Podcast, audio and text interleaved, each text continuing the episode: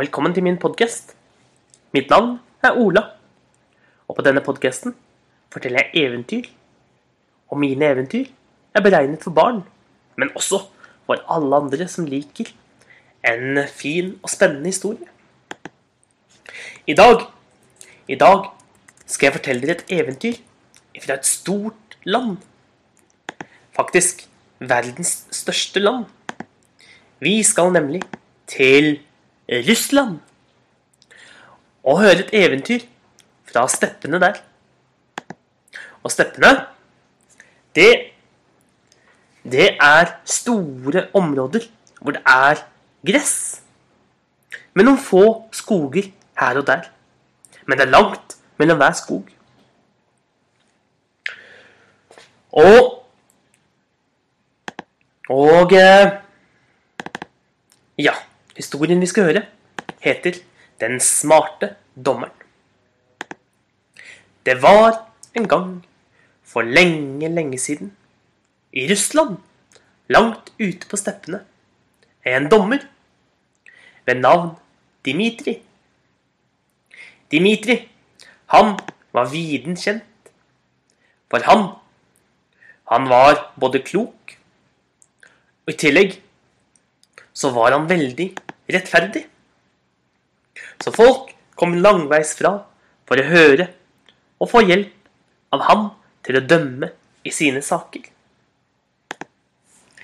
En dag så kom det en, eh, en dame ved navn Sofia. Og en mann ved navn Nikita. De kom for å få hjelp av dommer Dimitri. Og Sofia, hun bukket for dommeren, og så sa hun, ærede Dimitri, hør min sak. Mitt navn er Sofia, og jeg er en fattig dame. Det eneste jeg eier, er 100 gullpenger, som jeg jobbet hardt og lenge for gjennom hele livet mitt. Det har seg sånn at jeg skulle ut og reise, men Men jeg vet at det, det er farlig å la gullet sitt ligge igjen ubevoktet. Dessuten er det også farlig å ta det med seg når man skal på en slik lang reise over steppene. For man kan møte på tyver og andre uærlige folk. Derfor spurte jeg denne mannen om ikke han kunne passe på mine 100 gullpenger mens jeg var ute og reiste. Det sa han ja til. Men når jeg kom tilbake igjen, så nektet han for å ha møtt meg noen gang. Og i alle fall at han aldri hadde sagt ja til å passe på mine penger og at han ikke hadde mottatt noen penger av meg. Derfor kommer jeg til deg, ærede dommer, for at du skal hjelpe meg å få tilbake pengene mine. Og dommeren, han, eh, han strøk seg gjennom skjegget. Så snudde han seg til den mannen og spurte. Ja vel, nå vil jeg gjerne at du forteller din historie. Ja vel, ærede dommer, svarte mannen. Mitt navn er Nikita. Hva denne damen forteller, er ikke sant. Jeg har ikke mottatt 100 gullpenger av henne. Faktisk så har jeg aldri møtt henne før. Og alt det hun sier, det er en løgn. For jeg vet ikke hvem hun er. Hm, en vanskelig sak, sa dommeren. Sa dommer Dimitri. Og så snudde han seg til Maria, nei, til Sofia, og spurte.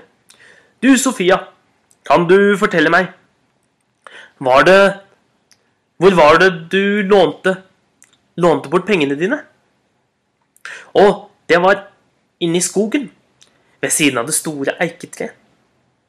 En skog som ligger mot vest. Og var det noen som eh, så at du lånte bort pengene til denne mannen? Nei, dessverre. Det var kun trærne til stede.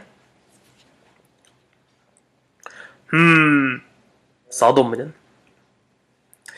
Og han tok av seg ringen han hadde på hånden sin. En ring med en fint seil på. Og en stor rubin. Han ga den til Sofia, og så sa han Denne ringen er en magisk ring. Ta denne ringen med deg. Reis tilbake til det stedet hvor du møtte Nikita.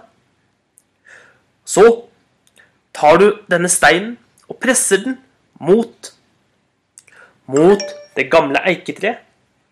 Så vil du se at det gamle eiketreet vil være ditt vitne og fortelle hva som har skjedd i saken din. Og Sofia takket takket dommeren for eh, dette, og snart reiste hun av gårde det forteste hun kunne.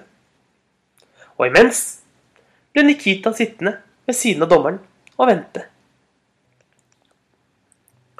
Og når det, gått, når det hadde gått en god stund, så snudde dommeren seg og snudde seg til Nikita og spurte.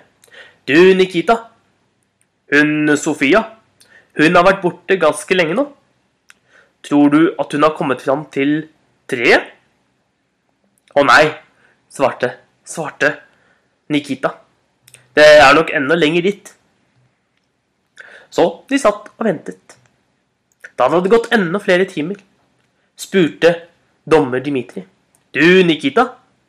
Tror du at uh, Sofia har funnet fram til det store treet nå? Å nei, herre, ærede dommer. Det er nok enda lenger dit, svarte, svarte Nikita. Så de satt og ventet. Enda noen timer.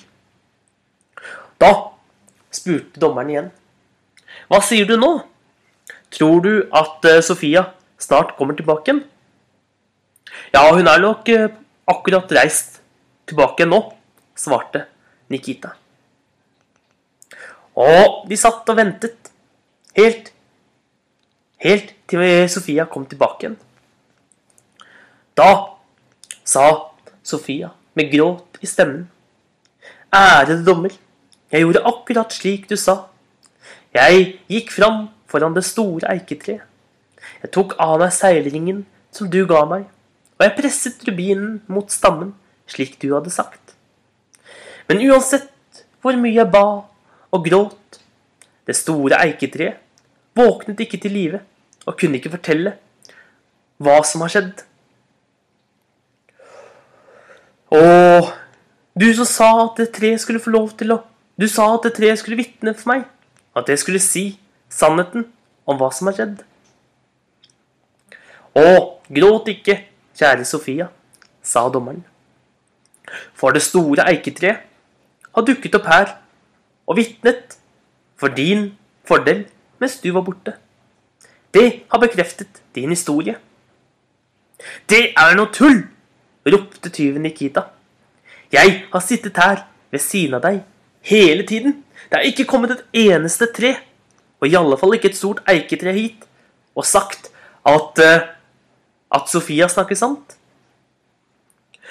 Å jo visst, svarte dommeren. For først spurte jeg deg, Nikita. Jeg spurte deg om du trodde at Sofia hadde kommet fram til, til det gamle treet nå, hvilket du svarte nei. Så gikk det en god stund. Så spurte jeg deg igjen. Nok en gang så sa du nei. Men da hun hadde kommet fram til treet, da svarte du ja. Det betyr, med andre ord, du vet hvor langt det, lang tid det tar å reise til det store treet. Og siden du vet dette, da Da er det slik å forstå. Du lyver. Du har reist og møtt denne damen med navn Sofia. Og da er det også slik å tro at du har fått 100 gullpenger som du har beholdt for deg selv. For du har løyet for meg, og du prøver å stjele pengene til Sofia. Så jeg befaler, du må betale tilbake de hundre gullpengene til Sofia. Og hva mer er, for jeg har prøvd å stjålet pengene hennes, så må du betale henne ytterligere hundre gullpenger til. Og nok en gang hadde den smarte dommeren Dimitri vist at han var veldig smart, og at han fortsatt kunne bli kalt den smarte dommeren. Ha en god dag, så ses vi igjen en annen dag.